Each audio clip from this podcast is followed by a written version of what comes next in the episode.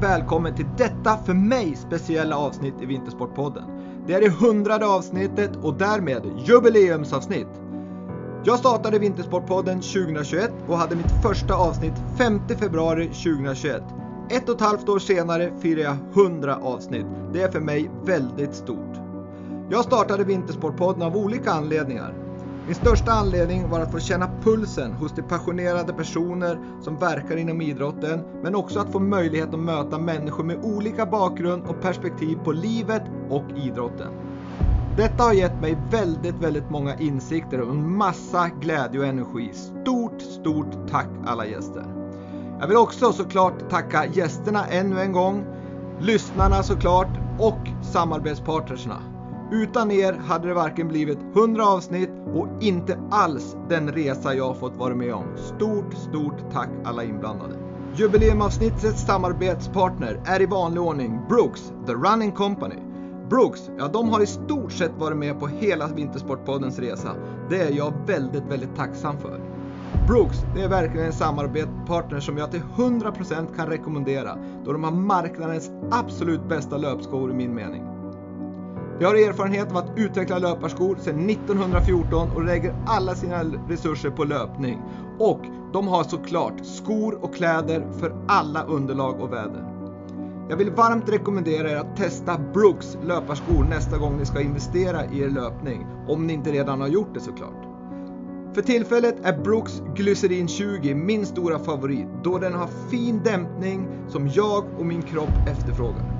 Stort tack för ett långt och fint samarbete Brooks, The Running Company. Nu kör vi igång! Avsnitt 100 och Vintersportpoddens jubileumsavsnitt.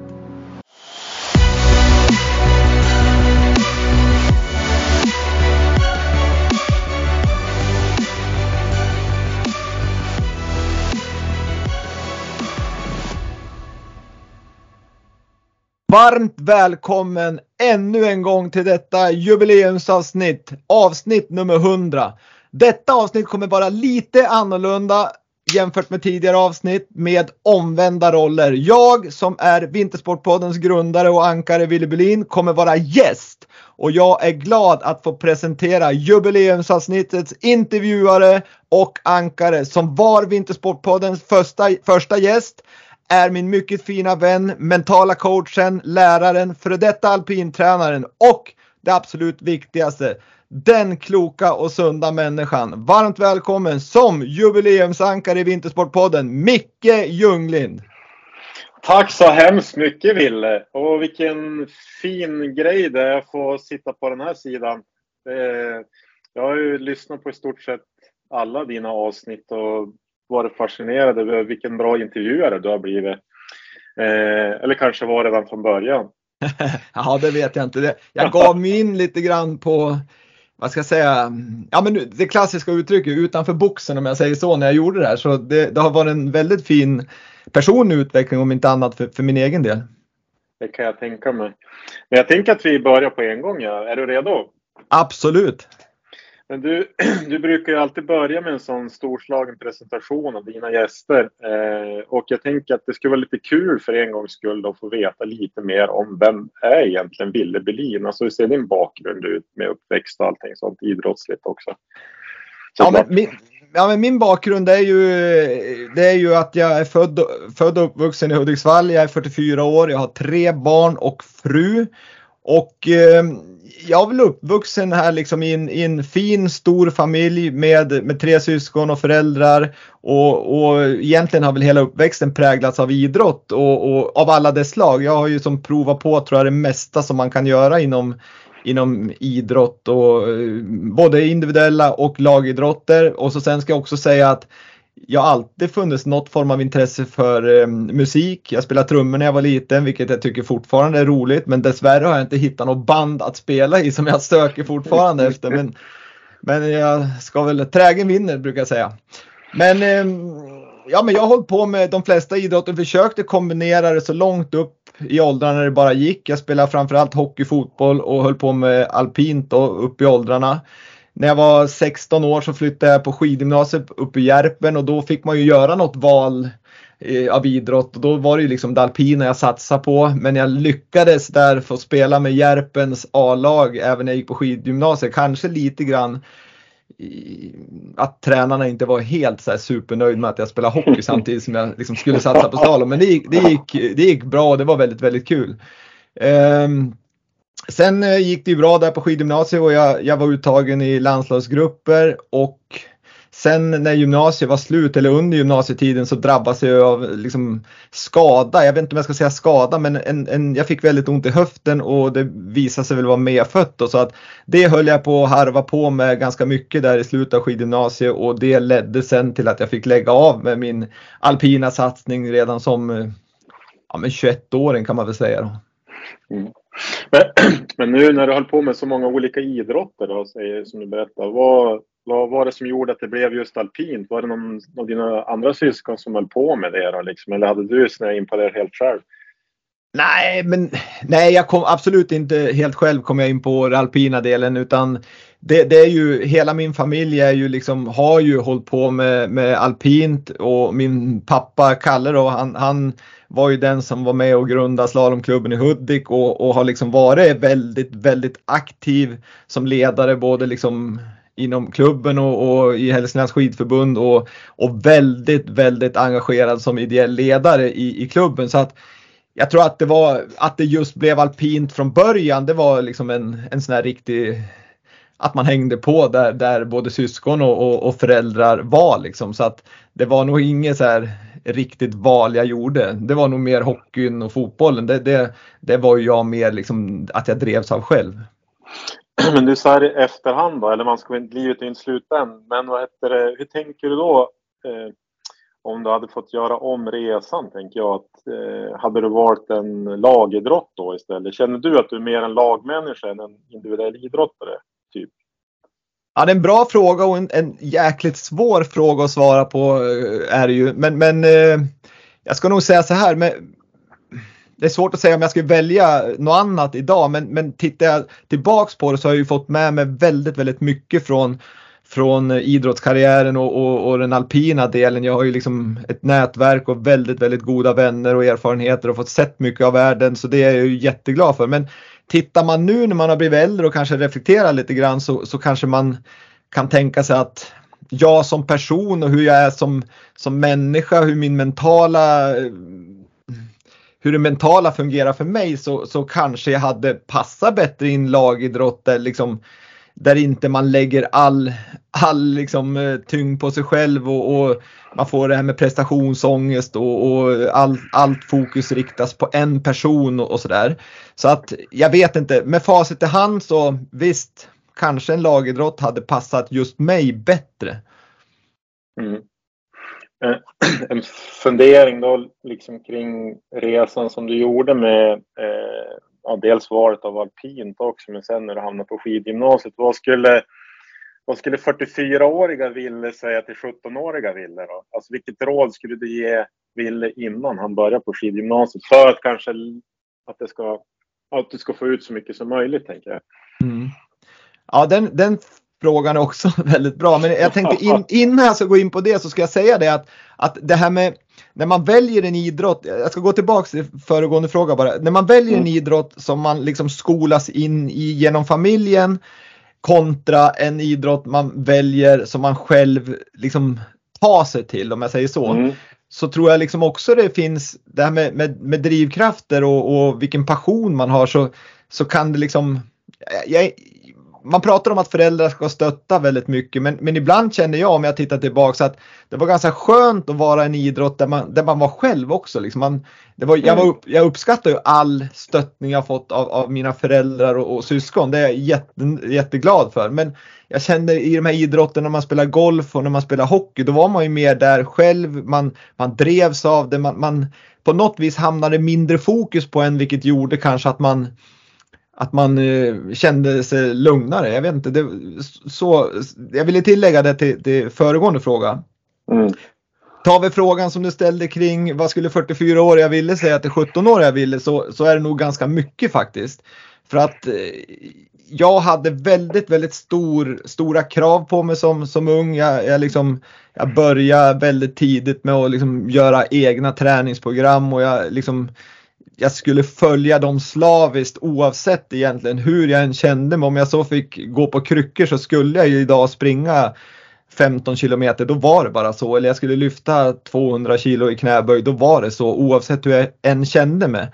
Och det där har ju fått konsekvenser naturligtvis i, i äldre dagar i form av mycket smärtor i, i kroppen. Man har, man har fått operera de flesta delar i kroppen och, och liksom, man känner verkligen att, att det var inte bra och det är klart att det påverkar ju också vad ska jag säga, idrottsprestationen under den tiden. Liksom. Men vilket råd skulle du ge då? Alltså om du skulle koka ihop det till att du hade haft fem minuter med dig själv.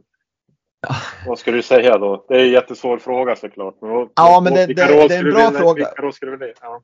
ja, jag, jag skulle nog säga så här, rådet det är ju liksom att för det första det fysiska det är ju att lyssna mer på, på din egen kropp.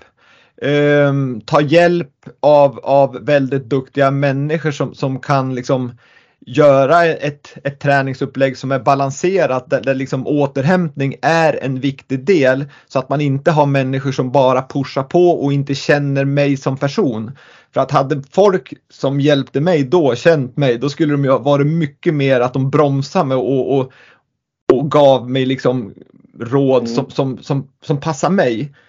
Mm. För pushar man mig då, då blev det ju dubbelfel. För jag pushar ju mig själv så hårt och så pushar någon annan men då fick jag ju ännu mer krav och då skulle man ju göra ännu mer. Mm. Uh, tittar man på den mentala biten så skulle jag jobba mycket tidigare med den mentala biten där jag liksom där jag skulle jobba mycket med att jag som person måste man skilja med den skidåkare eller hockeyspelare man är. För att då tror jag personligen att jag skulle ha mått mycket bättre för jag kopplar lite ihop prestationen. Presterar mm. jag bra då var jag en bra människa. Och det där har ju varit ganska liksom jobbigt och det, det är liksom det tror jag fler känner med mig. Så att det är väl några, det är två tips om man tittar på det mentala och, och det fysiska som jag skulle ha gett mig själv om jag fick backa bandet lite grann. Mm. Jag tänkte att vi skulle komma in på det lite senare, alltså några bra saker som du känner att du tagit med dig plus att det kanske också finns saker som du nu gav exempel på också som är saker som man kanske önskar att man inte hade tagit med sig. Men, men jag tänkte koppla tillbaks till eh, det här med att du säger att du är duktig på att pusha dig själv och att du liksom de här råden som du skulle ge dig själv också, 44 år jag ville, skulle ge 17 år jag ville. Det är ju liksom du, gick ju, du var ju jätteduktig på att åka skidor, du kom in på skidgymnasiet och du fick möjlighet att delta i, i de olika landslagen också. Eh, är det någonting, fick du det du behövde då? Alltså jag tänker utvecklingsmässigt, eller är det någonting du saknar från den tiden som hade liksom kunnat hjälpa dig på ett bättre sätt? För jag tänker att det är många söker sig dit för att man tänker att det här är det bästa för mig. Jag söker mig till ett skidgymnasium för att jag vill få den bästa utvecklingen. Men, det, men, men för mig handlar det om både mognadsgrad om man är mottagare för det får för att du ska få ut mest av det. Vad, vad känner du som liksom gjorde hela resan? Nej men, nej, men för mig så är det så här liksom jag som hade en, en, en, i min värld sund uppväxt med skidåkning, det vill säga att vi åkte skidor när det fanns snö och så hade vi den här klubbföreningskvällarna där på tisdagar och torsdagar i Eliusspåret det, det är liksom det, det, var ju min uppväxt då och vi, vi, åkte väl liksom på något helgläger till fjällen i Sverige innan liksom man kanske hade snö i Hudiksvall men det var inte mer än så. Och någonstans där tycker jag det var väldigt bra. Så att skidgymnasiet, när jag kom in på skidgymnasiet så fick jag ju en väldigt liksom ja men en jäkla kick för det blev ju en väldig ut, utveckling för mig i, i både liksom hur mycket vi åkte och så fick jag komma i kontakt med professionella tränare.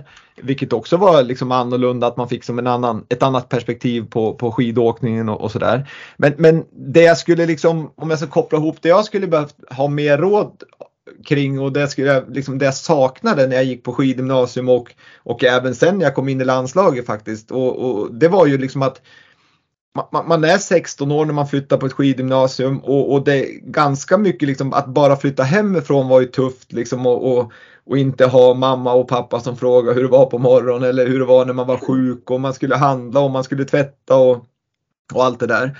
Så att jag skulle nog säga att, och det kanske är så nu, jag ska inte säga hur, hur det är nu, men jag saknade då liksom just den här, det här stödet på allting förutom skidåkning i backen, det vill säga mm. kosten till exempel. Vi, vi fick ju som fixa med den bäst vi, efter våran förmåga och det blev ju väldigt mycket liksom nudlar naturligtvis.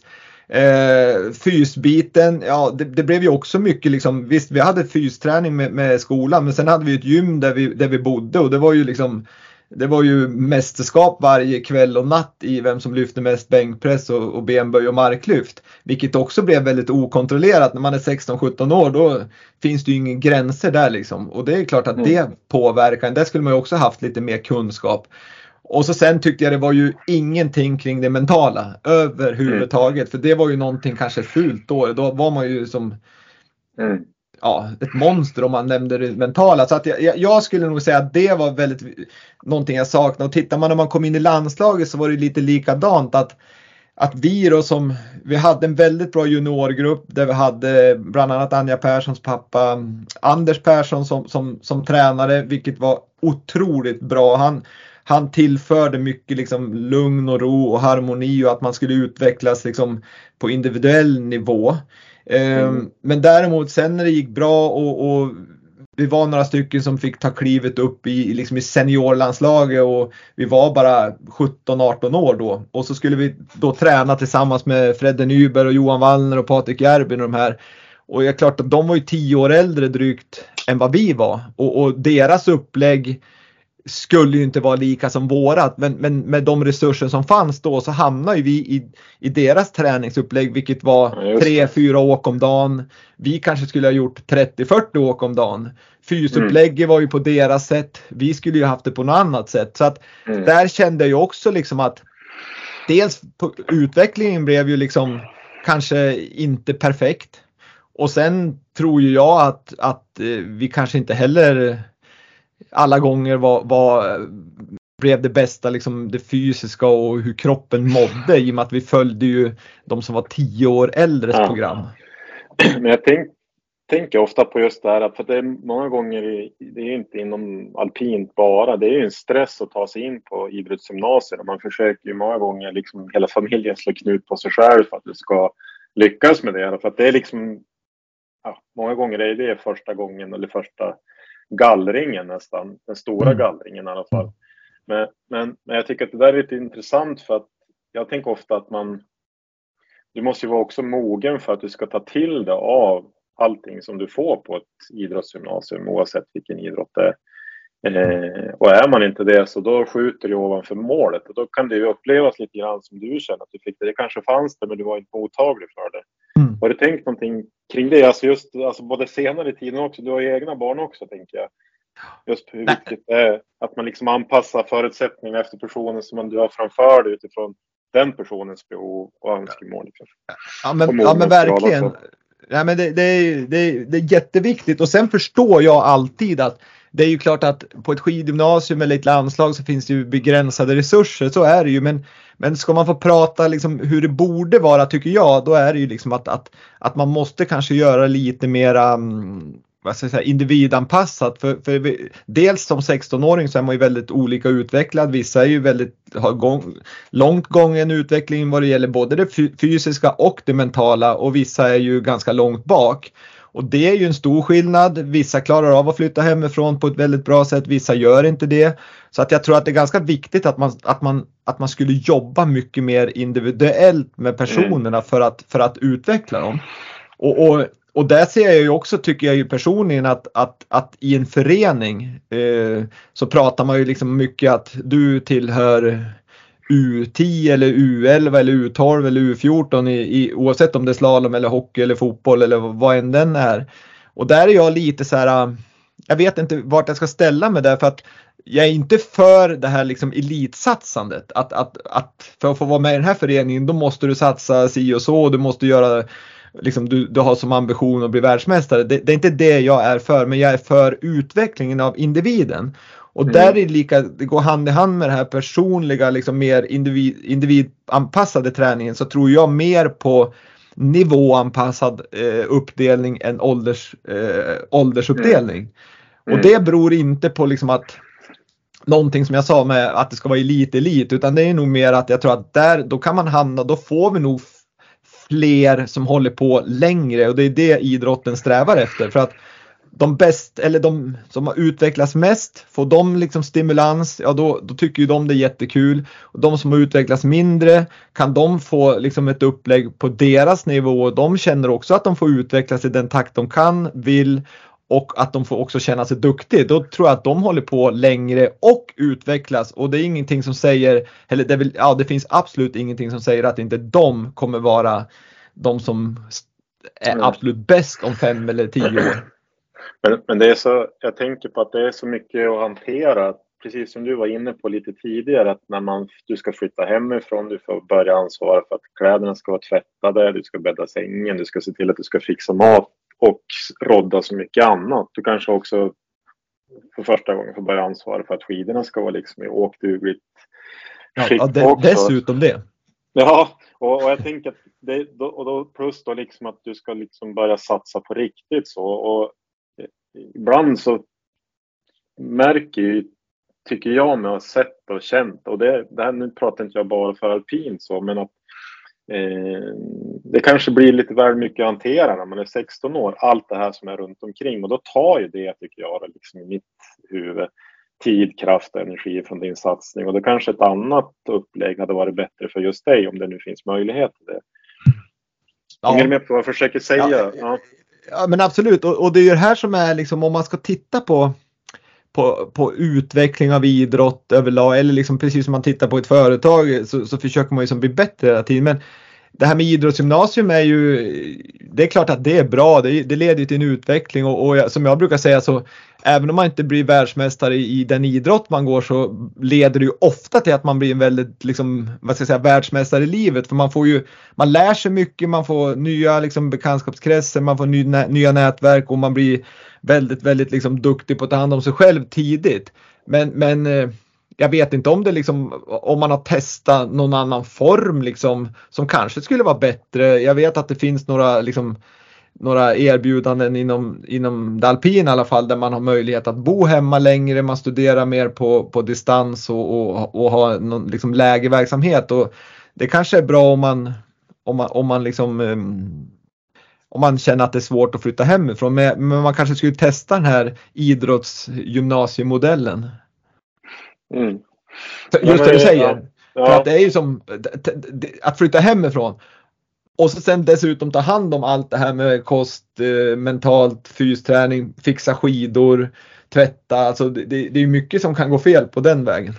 Ja, men alltså jag känner för min egen del så hade ju det spår ur helt och hållet. Jag var inte mogen att flytta hemifrån när jag var 16. Även om jag kanske trodde det och ville det. Liksom. Nu gick jag aldrig något idrottsgymnasium, men det var natur det. Liksom. Jag tyckte det var nog jobbigt att åka buss till gymnasiet som låg inne i stan nästan.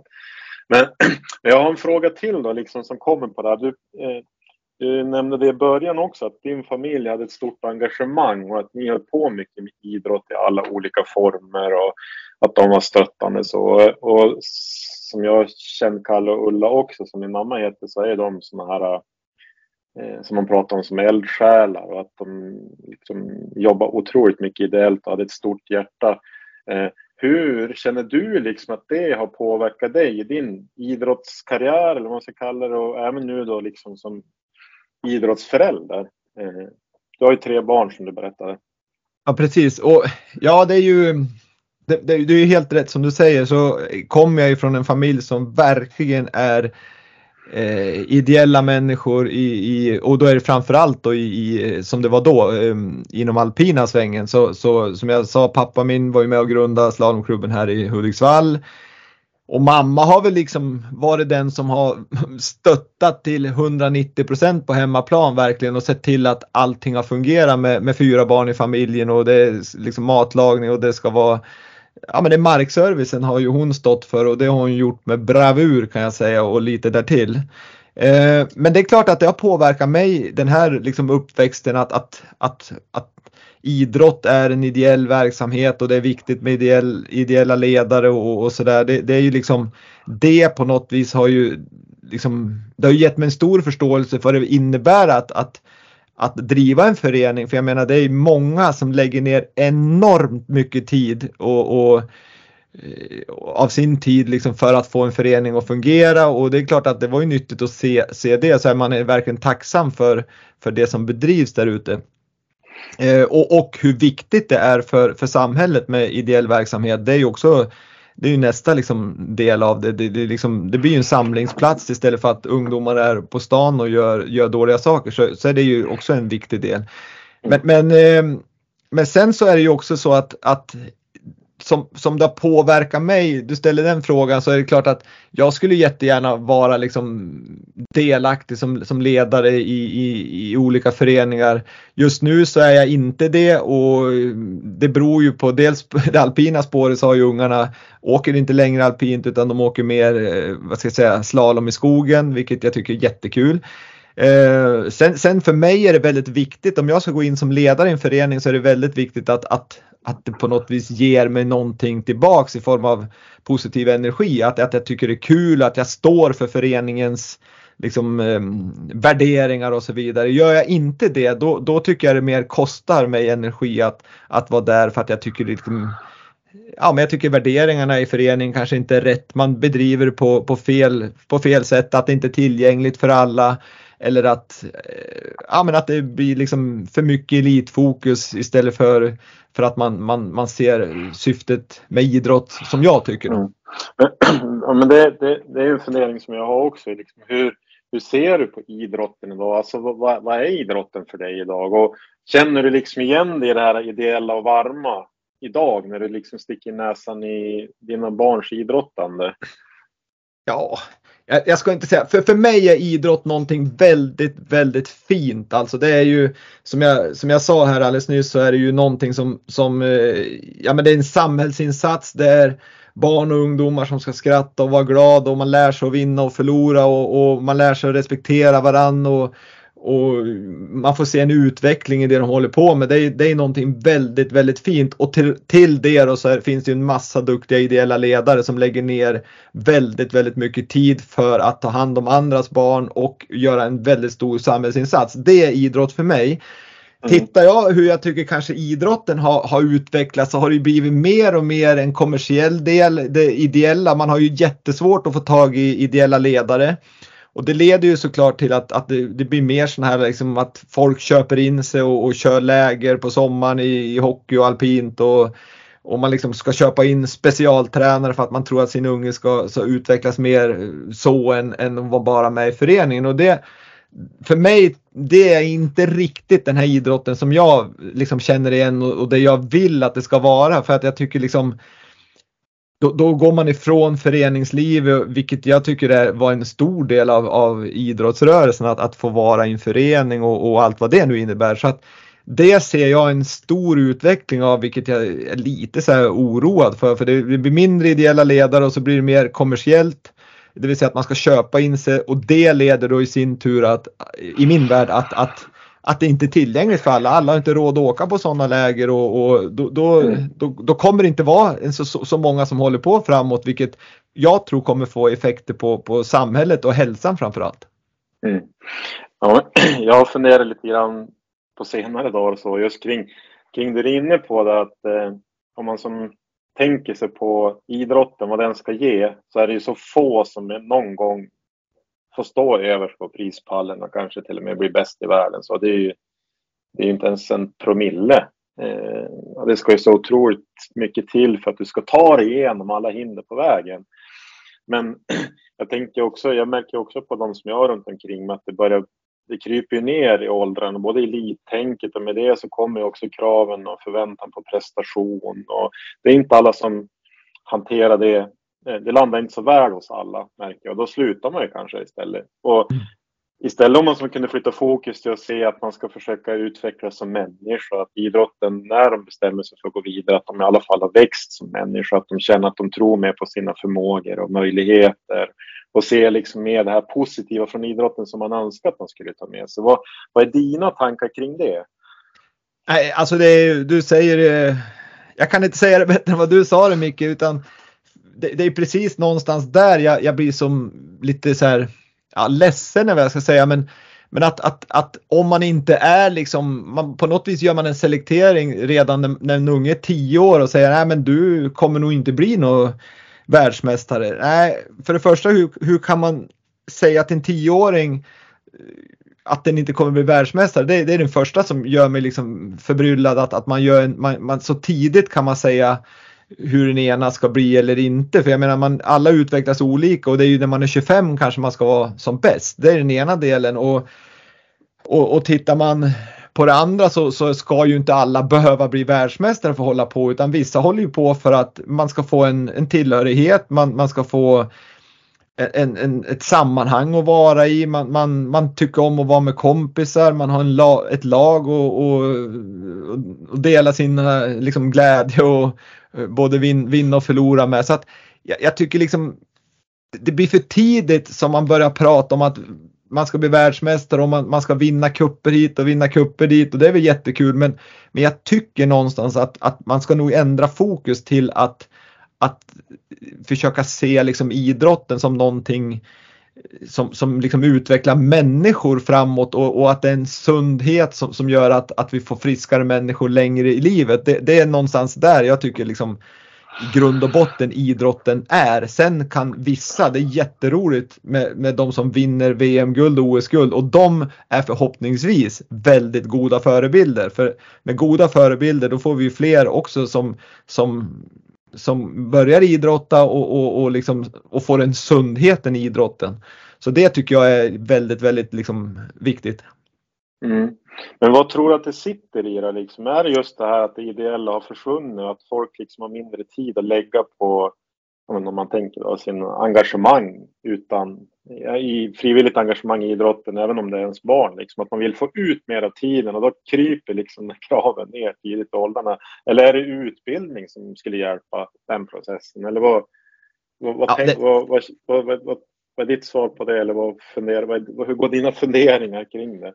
Nej, men det för mig är det, det är nog en kombination av väldigt mycket, men hela samhället har ju blivit ganska stressigt och, och jag tror att man liksom, man förväntas, det är ju liksom allt från, från arbetsplatsen förväntas man kanske göra mer än vad man kanske har gjort tidigare eller liksom Föräldrarna kanske också är mer självupptagen i att, att man jobbar mycket och så ska man hinna med att träna och så ska man ju köra lite sociala medier och så vidare. Så att jag tror att nej men det blir också en kombination att tidigare så var det nog mer en, en, eh, en självklarhet att man jobbar och så sen, sen var man liksom delaktig i en förening vilket jag tyckte det är ju jättefint. Men jag tror att det har blivit så mycket som, som vi föräldrar ska göra idag så att man, man man, man, man, liksom, man hinner inte med och då prioriterar man någonting och då prioriterar man bort det ideella och så sen har ju vi i Sverige nu, vi har det ju bra och, och många har så pass mycket pengar att äh, vi tar den enkla utvägen, vi köper en tränare, vi köper de här lägerna och då slipper vi kanske engagera oss också i föreningslivet. Vi,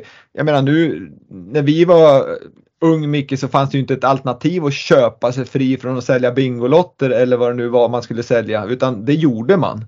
Men idag mm. så får man ju alltid en fråga, ska, ska ni köpa er fri? Mm. Och det är klart att det tar ju också död på, på den liksom föreningslivet. För, för föreningslivet är ju någonstans att man ska göra saker ihop tillsammans. Uh, man ska sälja strömmingsmackor på den lokala marknaden eller, eller vad det nu kan tänkas vara. Mm. Så att, det är nog många saker där men jag tycker att jag personligen tycker inte det är rätt utveckling om jag säger så. Mm. Ja, det där lär vi som få se eh, framåt tror jag. Eh, jag ska inte säga svaret på men... Nej, jag vill säga en sak till där och, och så, såklart, framtiden kommer vi få facit men, men, och det vet vi inte. Men det här är bara någon känsla jag har.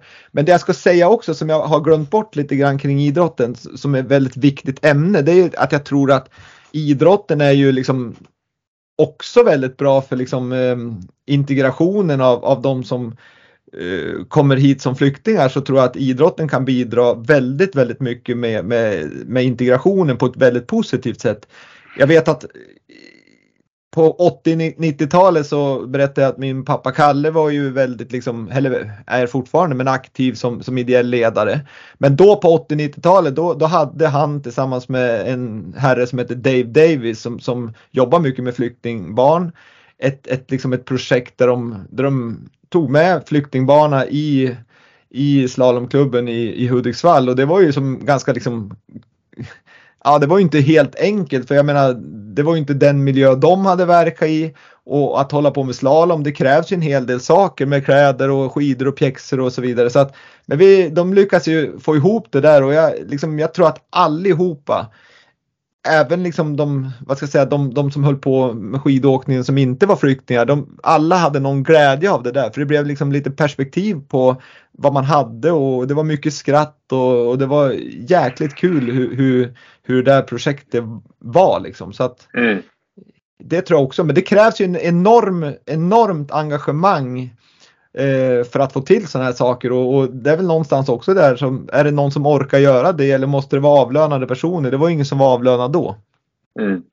Nej, men jag, jag, är helt med dig på det och jag känner ju också samma sak kring det där. Men jag tänkte bara säga det att eh, om, om man tänker att bredden blir smalare nu för att eliten kryper in tidigare så kommer ju det att synas sen tror jag. Liksom, att vi ja. kanske kommer att få ja, färre världsidrottare i, i, inom vissa idrotter. Det tror jag är eh, oundvikligt eftersom urvalet blir ju man gör det för tidigt eller liksom basen som man ska stå på är för smal tror jag. Ja men eh, absolut och, och tittar ja. du i Sverige så har vi ju per automatik, jag menar ta, om vi tar bara fotbollen som en världsglobal sport. Jag mm. menar i Sverige har vi ju totalt sett lika många utövare som eh, Brasilien har i sjuåringar som spelar fotboll. Liksom. Så att ja. det, är, det är ju vi, vi i Sverige tror jag är väldigt, väldigt viktigt, även om, om vi historiskt sett har haft en bra modell kring liksom, svensk idrott med, med, med föreningar och ideella ledare och liksom, utbildning och så vidare. Och det tror jag vi har haft en bra modell men, men samtidigt bygger det på att vi har mycket, mycket människor och un, ungar och, och, och så vidare liksom i ung ålder men även längre upp i åldrarna så att vi har så att ja, men den traditionella liksom att basen är större för att det smalnar av ganska fort där. Och tittar man nu så, så kan vi ju liksom statistiskt se, se att, att antalet utövare oavsett idrott det, det börjar liksom avta redan vid 10-11 års åldern. Och det är ju för mig liksom hur, hur ska det bli framåt? Både vad det gäller liksom samhällsutvecklingen i stort. Vart ska de här ungarna hänga istället för att vara på en idrottsanläggning? Ja, det blir väl kanske på stan i sämsta fall. Mm. Och vart ska hälsan ta vägen? Ska de byta ut idrotten mot att sitta och surfa och, och så vidare? Det, det kommer ju också leda till liksom stora samhällseffekter framåt. Så det, mm. det är någonting som oroar mig faktiskt.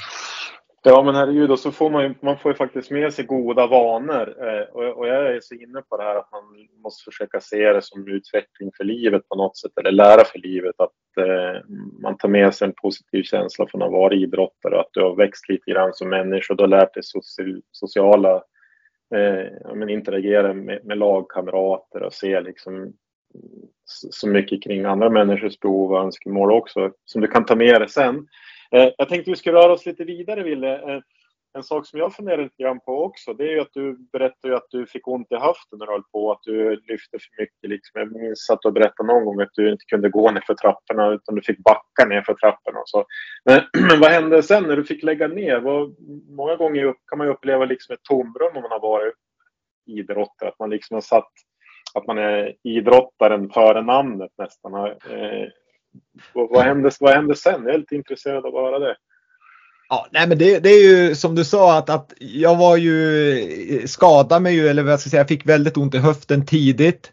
Eh, det här var ju liksom när jag gick på skidgymnasium och det ledde ju till naturligtvis så, så, krävs ju stort eget ansvar då för att ledare där hade ju inte liksom tid att lägga på mig så att jag, jag fick ju rodda mycket i det där själv eh, vilket var då jobbigt. Det blev ju dels att man skulle hålla på och rodda och åka Sverige runt för att hitta liksom rätt sjukgymnaster och ortopeder och så vidare för att man, man sa en att fan det här ser inte bra ut och sökte man upp en annan för att man trodde man skulle få ett bättre svar någon annanstans.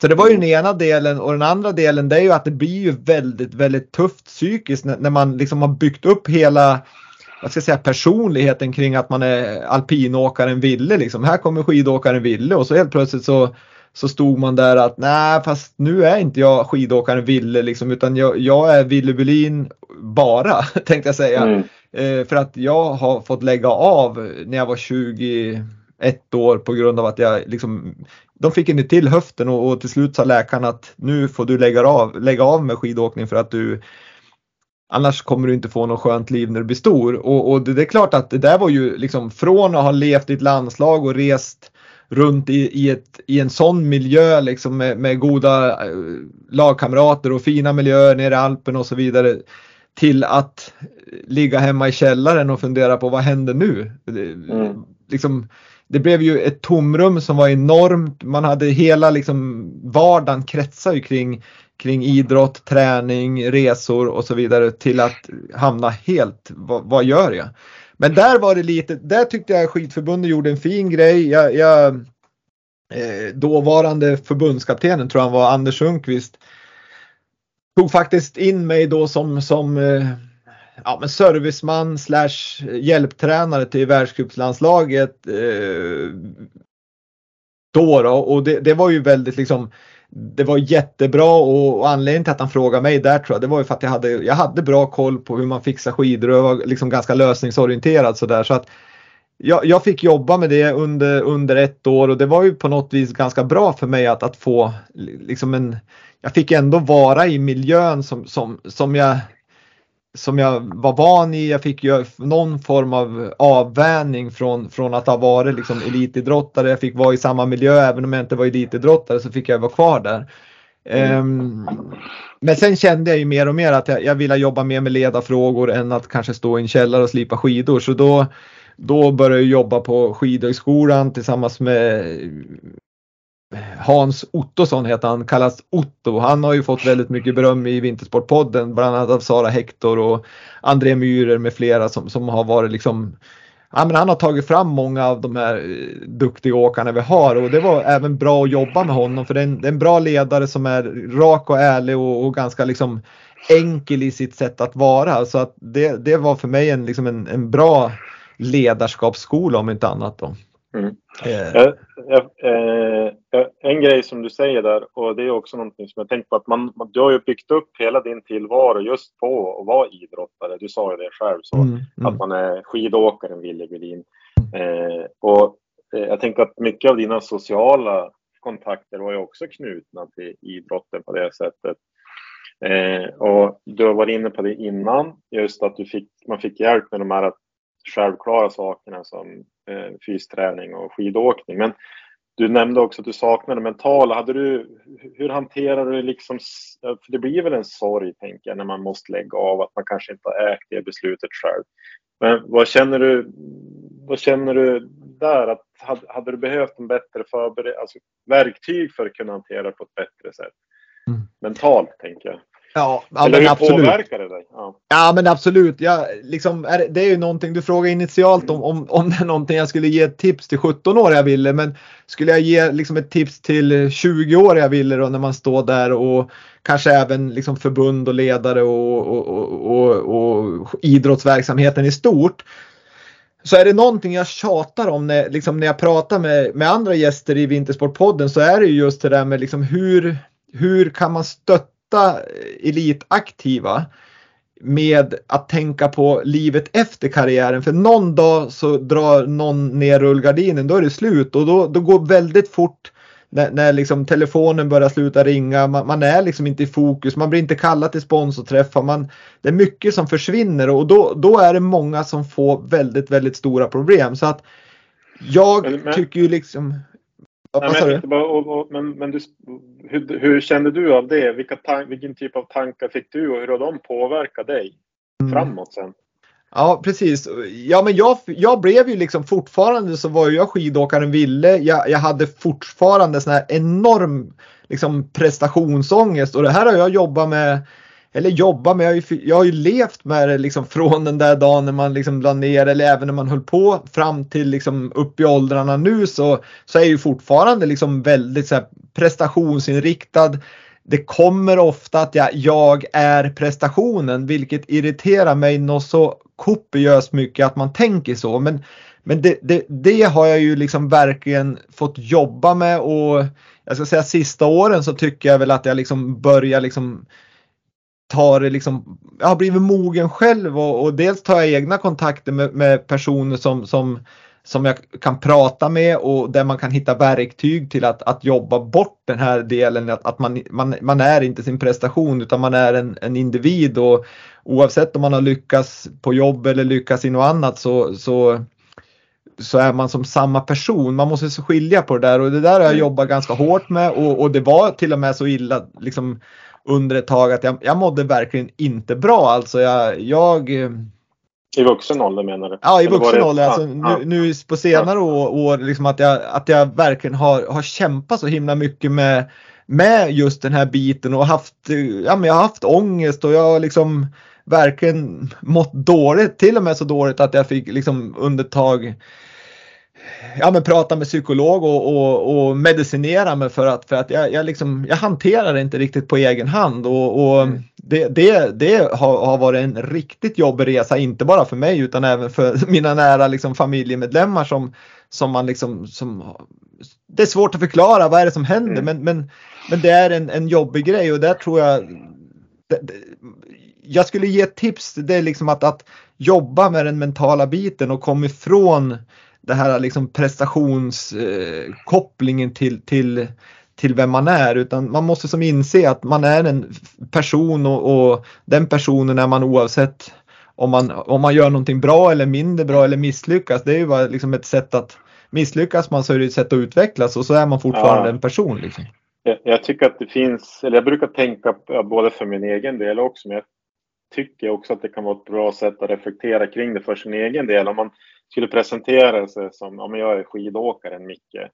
Då står ju liksom och faller med det som är skidåkning, det sociala, allting runt omkring prestationen också. Eller om jag är Micke och jag älskar att åka skidor. Det är en jäkla skillnad. Och säger man det liksom efter så upplever jag många gånger att man står lite bredare. Att ja, men jag, jag är jag och då prioriterar det före Eh, jag kan lägga jäkligt mycket tid på att åka skidor ändå, men, men fokus är någonstans på mig själv. Och det tänkte jag liksom en nyttig tanke på att hantera liksom och lära sig flytta det från det man sätter först till eh, att man är först och främst sig själv, att man liksom jobbar med det egna ledarskapet och eh, satsa tid, satsa det, man hjälper sig själv på ett bra sätt. För då får mm. man faktiskt mer tid, kraft och energi att lägga på sin prestation sen. Eh, verkligen. Och, och ja. jättebra reflektion Micke, verkligen. Det, det, det måste jag ju som Precis, det, det, är ju just det här med kommunikation, hur man säger och hur man gör. Och, men jag, jag ska säga också det här, det här som har skett då, liksom att man blev den här kopplingen mellan liksom Villebylin, skidåkaren och, och alla tar för givet liksom att ja men du är Ville och ni är familjen Bylin och ni, det är klart att alla ska åka skidor där. Men det kanske också blivit så att, att jag har liksom undvikit att, att skicka in mina ungar i, i den alpina sporten just för att liksom på något vis gå emot att nej men det är inte självklart att jag ska hålla på med alpint eller min familj ska hålla på med alpint utan så jag vet inte och det är ju synd om det, om det är så men det kan nog undermedvetet vara så att man har undvikit det för att, för att liksom visa att nej men jag, jag är jag och jag har mitt liv liksom och jag bestämmer över det. Jag tycker att det är så fint att du berättar det du säger för att många gånger så tänker man ju och pratar, när man berättar om idrotten då pratar man om alla positiva saker som man tagit med sig av det. Att man är strukturerad och engagerad och driven, att man är målmedveten och jobbar liksom stenhårt för att nå de här målen. Men det kom väldigt sällan på tal de här sakerna som kanske sitter kvar längre, som du nu berättar om det här med prestations eh, ångest och mm. saker som är kopplat till det. Att du har som slagit på dig själv Även fast du slutade åka skidor och var liksom färdig med att karriären var över så har det här återkommit fast i andra former. Det är ju en sak som man pratar alldeles för sällan om. Liksom, för att man tar ju med sig, du tar ju med dig de sakerna också. Ju längre du håller på med prestationsångesten desto bättre blir det också på haren och det är ju ingen, det är ju ingen bra. Liksom. Nej, man blir ju bra på vad man tränar på. Tränar man hela tiden på, på det där. De dåliga grejerna. Ja, men det blir ju liksom. Man är bra på det, men det är ju inte bra för mig som människa. Men, men, och det blir ju en jäkla moment 22 det där så att. Så att jag, jag, jag ska säga så här att. Det är ju, och sen förstår jag i, i ett, om jag får säga ett vanligt företag, där, där pratar man ju mycket om den här prestationskulturen och många kanske inte har det här, liksom, den här extrema liksom, prestationsinriktningen och, och prestationsångest och målinriktning och att man vill verkligen till varje pris nå mål och, och överträffa dem. Utan det, och då blir det ju mycket snack kring det och det där är ju också jäkligt svårt när man själv sitter och jobbar med att man måste dämpa sig liksom. Mm. Så att det, det, är en svår, svår balansgång det där och, och men samtidigt ja. ska jag också säga det att från min liksom skidåkning som jag säger och det, det, det, har ju gett mig jättemycket positiva saker i form av nätverk. Jag menar jag är kompis med dig mycket. Vi träffas ju genom skidåkning. Det är ju bland det bättre liksom eh, som har hänt mig förutom mina barn och min fru och sådär. Så, att, så att, att vi har träffats. Så att, mm. Det är ju jättemycket positiva saker också som, som, som eh, idrotten och, och skidåkningen har medfört. Men jag, jag tycker att det är viktigt att man man, man tänker på det här som, som idrottare idag innan när man slutar och, och att det, det, finns saker som man behöver jobba med för att må bra i livet. Ja, eh, jag kan ju också känna, känna igen mig det du säger där. Nu var jag aldrig liksom någon idrottare på det sätt som du har varit. Jag var väl en sån som växte som människa av att hålla på med min idrott. Jag älskar ju, jag åkte skidor och jag älskar ju det idag verkligen. Och det är fortfarande, fast jag är 51 år, så är det ju det roligaste jag vet. Och utan konkurrens. Mm. Men jag tänker också på att jag känner också att den här eh, att man inte kan göra saker med måtta. Mm. Att man liksom, och så jämför man sig liksom, om ska jag börja träna eller ska jag göra någonting så gör man det liksom till 300 procent. Och, och, och, jag kan ju också som tänka att det många gånger har varit min drivkraft, men jag känner ju så här senare i livet så är det inte så hållbart att driva sig igenom och vara självkritisk eller bygga det kring prestationen. Och det är ju bara sista fem sex åren jag känner att man som har landat i att jag gör det för att jag ska må bra till exempel. Jag försöker träna så mycket det går ändå, men jag kopplar inte till att jag måste göra på en viss tid eller lyfta exakt lika mycket. Eller, och då blir det mycket, mycket roligare helt plötsligt. När man som känner det, då åker ju axlarna ner. Då är det ju direkt också mycket lättare att hitta tid och prioritera och göra det. Det mm. tycker jag var en stor skillnad. Liksom. Men för mig handlar det mycket om att man flyttar liksom så här från prestationen. Man satte det bakom namnet nästan.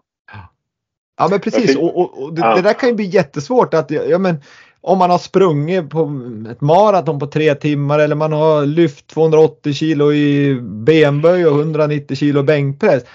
Ja det gjorde jag en gång i tiden men, men då förväntas man och då kan man ju liksom drivas fan. Jag måste ju göra det nu också för det är ju den jag är. Mm. Nej, du är Ville Bulin. Det är väl skit samma om du tar 280 kilo i benböj och 190 kilo bänkpress. Det är liksom inte mm det gjorde du då och det var väl kul då liksom. Men, men, man måste komma ihåg det där att det skiljer. Men det är jättesvårt att, att få till det där.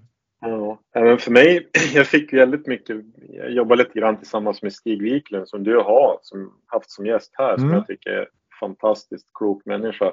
Men det var som, jag, jag hade nog liksom letat vissa verktyg själv sådär, men det var liksom han som satte namn på dem för mig som gjorde att jag kunde tänka kring ja, men det jag gör på ett mycket mer konstruktivt sätt.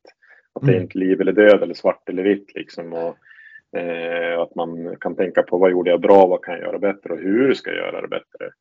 Och eh, att jag försöker titta på lärandet istället för att jag ska liksom bedöma mig utifrån det. För att man gör ju ofta det, bra eller dåligt, rätt eller fel, svart eller vitt. Liksom.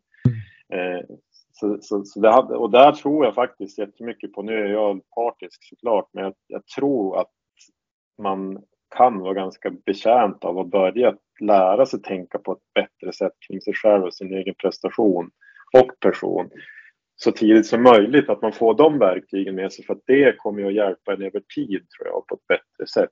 Du kommer att kunna, ja, jag ska, det låter vrickat att säga att man får ut mer av sig själv som person, men jag tror att du kommer i alla fall att vara mer hållbar med dig själv som person om du hanterar kraften på, på rätt sätt.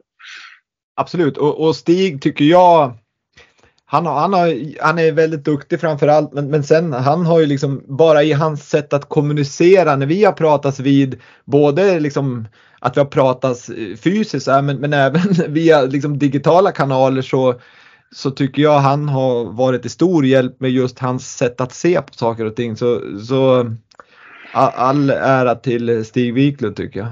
Men, men sen, jag måste komma, medan jag kommer ihåg det innan vi ska avsluta Micke så, så måste jag också säga, just du frågade mig tidigare om, om min, mitt sätt att se på, på eller mitt, mitt sätt att vara med ungarna och, och se på ungarnas idrottande. så har det ju för mig också liksom för mig är det så viktigt att den, mina unga liksom har ett eget driv, en passion, vilja att vara med i en speciell idrott. Så att jag har ju nästan liksom valt att ja, men att ta ett, ganska, liksom ett steg tillbaka så att de verkligen tycker om att gå på den här träningen. Sen är det klart att jag, jag stöttar dem i, i form av att skjutsa dem, i form av material, i form av ditten och datten. Men, men för mig är det väldigt, väldigt viktigt att de gör det för sin egen skull. Fråga de mig, vad tycker du jag ska göra här eller där? Ja, men vad tycker du själv säger jag ofta. Liksom, vad, mm. vad vill du göra? Vad, vad, vad, tycker du är roligt och, och, så vidare. Det tycker jag är väldigt, väldigt viktigt liksom, för, för mig i, i mina barns idrottande att de själv verkligen, verkligen brinner för. Mm. Men, men eh, det är som sagt, vi skulle kunna sitta här och prata i två timmar till, det är jag helt övertygad om. Men vi börjar väl liksom närma oss nu, ska försöka runda av det och det var jättekul att få möjligheten att fråga dig en massa frågor. Jag tycker att du har så otroligt mycket intressanta tankar och åsikter. Det är skönt att få höra att de fortfarande finns där tycker jag. Eh, du brukar ju alltid avsluta med en fråga Ville, eh, som alla gäster har fått svara på. Och mm. det är ju, vad skulle du säga är en framgångsfaktor för att lyckas med idrott? Vad, vad, vad vill du lyfta då? Nej, men eh, det, det, det, är kul att få svara på samma fråga jag ställt till alla förutom dig Micke i Vintersportpodden. För jag hade inte kommit på den frågan på första avsnittet. Det var först sen som den kom, kom in i, i bilden. Ja. Så att allihopa, 98 svarar på han, av 99 så jag blir 99 av, av 100. Så att för mig så är en framgångsfaktor för att lyckas med idrott, jag skulle nog säga jag, jag, jag, fuskar lite och säger fler än en, men jag säger vilja är jätteviktigt och så sen väljer jag att säga liksom sustainable mindset. Alltså, och anledningen till att jag använder ett engelskt uttryck där, det är för att det ska bli V som i vinter, S som i sport och så säger jag passion som i P, alltså Vintersportpodden. Då får jag till VSP, vilja, sustainable mindset med alltså hållbar utveckling av en individ. Alltså att man inte bränner ut dem när de är 11 år utan man man, man måste se längre på, på att ungar ska hålla på, fler ska hålla på längre. Vi måste vara fler upp i åldrarna som håller på med idrott. Och passion, det är liksom grunden till allting. Har du passion och vilja och att du gör det på rätt sätt, jag menar då, då kommer vi vara fler som håller på med idrott framåt och då kommer någon lyckas eh, ända liksom, och bli den här OS och VM guldmedaljören. Så att det är viktigt för mig. Men en, en liten parentes kring det. Har du sammanställt svaren som de här gästerna svarar? Vad, person känns ju som att det är någonting som många har lyft som varit viktigt så här spontant känner jag bara i alla fall. Absolut, jag, har, jag gjorde en, en inför någon sån här um, jag tror det var 50 avsnittsjubileumet så gjorde jag en sammanställning av, av just den här frågan. Och, och, man kan konstatera att det som är absolut mest förekommande det är ju, det är ju passion, och glädje ska jag säga. Det är liksom där har 99, inklusive mig då, 99 stycken svarar liksom passion och glädje. Det är jättemånga. Sen kommer de här motivation, ah, hård träning såklart, tro på det man gör och envishet. Liksom. Det, det, är de, det är de som, som förekommer mest frekvent. Och det är intressant för att jag har ju fått möjligheten i Vintersportpodden att prata med så många väldigt, väldigt duktiga idrottare väldigt duktiga personer runt idrotten i form av ledare, det är doktorer, det är mentala rådgivare, kostrådgivare och så vidare. Och det är så kul att nästan alla liksom nämner de här orden och de är väldigt kloka. Att, att det, man, man måste tänka långsiktigt, man måste ha passion för att hålla på. Eh, och, och, och framförallt då glädje. För har du inte det då, då du, du kommer ingenstans i, i, med någonting. För då, då håller man på ett tag, sen slutar man. Och ska jag sammanfatta det så är ju det här Vintersportpodden-projektet som jag har hållit på med liksom, i ett och ett halvt år har jag hållit på och jag har redan då släppt 100 avsnitt. Och många tänkte när jag började med det här att men herregud vad ska du nu göra? Men, men för mig var det ett sätt att kliva utanför den här så kallade boxen.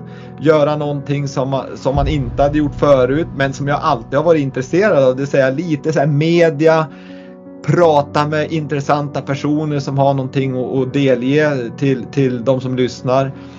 Och, och, det jag kan konstatera har drivit mig det är liksom passion till 100%.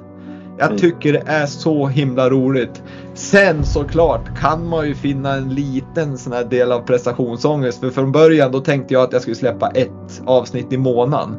Sen blev det två i månaden, sen blev det ett varje vecka och ett tag var det två varje vecka. Och, och nu då liksom ska man trappa ner igen. Då får man ju den här liksom, ah, fasiken jag kan inte trappa ner nu liksom. Så att det finns alltid liksom någonting som gnager. Men för mig så är det, jag gör det här för att jag får ut så mycket glädje och, och, och även kunskap av er som har varit med. För ni, ni delger så himla mycket bra tankar och, och erfarenheter. Så att, så att eh, nej, för mig är det här en, liksom en väldigt, väldigt bra hobby. För det är ju det det är. För jag, jag har ju ett annat arbete på, på sidan om det. Så att jag, jag krigar på och, och både gäster och, och lyssnare ger mig oerhört mycket i, i, det här, i det här projektet. Det är superkul att ha tagit del av dina, din hela resan tycker jag. Det har ju varit jätteroligt att höra liksom hur du har, dels vilka människor du har fått möta men också just samtalet. Det är ju det som är så intressant tycker jag. Och det har du gjort ett, det är ett superjobb tycker jag verkligen. Och du har ju utmanare. Det är ju liksom som Stig, om vi ska koppla tillbaka till han säger att man ska vara bli bekväm med det obekväma. Du, nu är det ju det kan man väl säga. Ja. Nu är det dags för ännu större utmaningar Wille. Eh, Och, och, det var, och det var ju liksom så här, nu hade jag gjort 99 avsnitt och, var, och intervjua. Det, det, då har man börjat bli bekväm med det obekväma som, som Stig Wiklund säger, vilket jag tycker är ett fantastiskt uttryck. Idag, det hundrade avsnittet, då ska jag sätta mig på andra sidan vilket har varit en utmaning. Men, men det var kul dels att, att som jag sa, du är min goda vän och du är en fantastisk människa och du var nummer ett i Vintersportpodden. Och få ha dig som intervjuare och, och, och jag ska sitta tyst helt plötsligt och svara på dina frågor. Det har ju också varit en, en utmaning. Men jag, jag tycker du har gjort det fantastiskt bra Micke och, och ehm, jag har försökt verkligen ta den här rollen att, att lyssna på dig, svara på dina frågor och inte babbla ihjäl dig. Då. jag tyckte du har gjort det jättebra. Det var ju, jag har också blivit lite mer bekväm med obekväma idag. Då. Jag har ju aldrig samtalat med dig på det här sättet förut, men det var jättekul att få veta lite mer också. Kanske lite mer styrt också, annars har man ju som en tendens att pladdra iväg. Så. Men Ville, det har varit superkul att få ta del av din passion, det som driver dig och det som har varit viktigt för dig. Och de här spännande erfarenheterna som du har delat med dig från Iros karriär och att det inte alltid är guld och gröna skogar att vara idrottare eller att ha varit idrottare heller tycker jag att du har talat om och delat med dig på ett jätte, jättefint sätt och det är jag jätteglad för. Eh, tack så hemskt mycket för att jag fick förmånen också att vara en del av Vintersportpodden. Jag har ju faktiskt fått två avsnitt nu. Det är stort tycker jag. Ja, det är för det. jättekul. Och jag ska passa på att tacka dig Micke för, för att eh, du velat göra det här. Det var jättestor ära för mig att du har gjort det och du har varit jätteduktig och så sen som sagt var så är du väl värd dina två avsnitt i Vintersportpodden. Stort, stort tack för att du ville ge mig den här eh, hundrade avsnittet och, och få göra det tillsammans med dig har varit jättekul Micke. Tack så hemskt mycket Wille. Det var jättekul. Ha det bra. Tack så mycket. Hej då. Hej hej.